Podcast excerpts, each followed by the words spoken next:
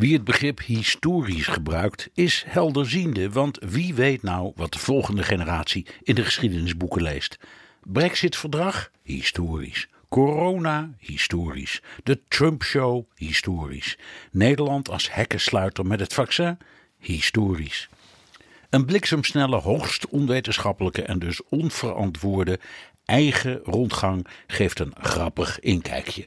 Hoogontwikkelde ondervraagden moesten toen Brexit begon googelen wanneer het Verenigd Koninkrijk ook alweer lid werd.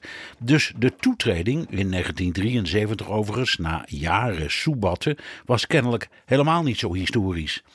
En wat is aan die uittreding nou zo bijzonder? Het laatste loopgravengevecht ging om visserij, zoals de Daily Mail schreef. De visserijovereenkomst is minder waard dan de transfer van voetballer Paul Bokpa. Wat ik zelf even moest googelen, maar het klopt. Bokba ging voor 98 miljoen naar Manchester United. En die visserijdeal ging over 88 miljoen euro. Historisch? Mwah. De Spaanse griep, ook zo'n verhaal. Toen de medische wereld corona daarmee begon te vergelijken, moesten geleerde jonge mensen het googelen dat die pandemie een eeuw geleden 0,6% van de Nederlanders opslokte, wist bijna niemand. Bij corona ligt het percentage trouwens op 0,06. Dus gelukkig is het geen goede vergelijking. Qua ramp was de Spaanse griep veel omvangrijker. Wat is nou historischer?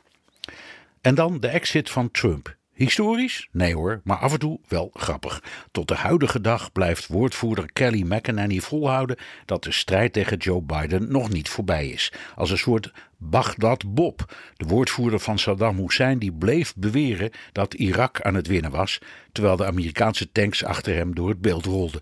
President Bush holde destijds af en toe uit vergaderingen omdat hij die dagelijkse comedy show niet wilde missen.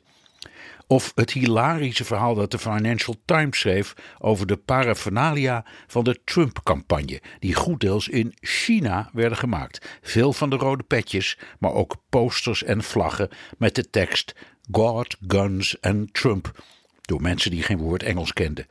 Dat zijn nou verhalen waarvan ik hoop dat ze in de geschiedenisboeken komen. En Nederland als hekkensluiter in de vaccinatierace, dat onderwerp valt af. Want dat speelt pas in het historische jaar 2021. Ik zou zeggen, een historisch uiteinde en een historisch nieuwjaar.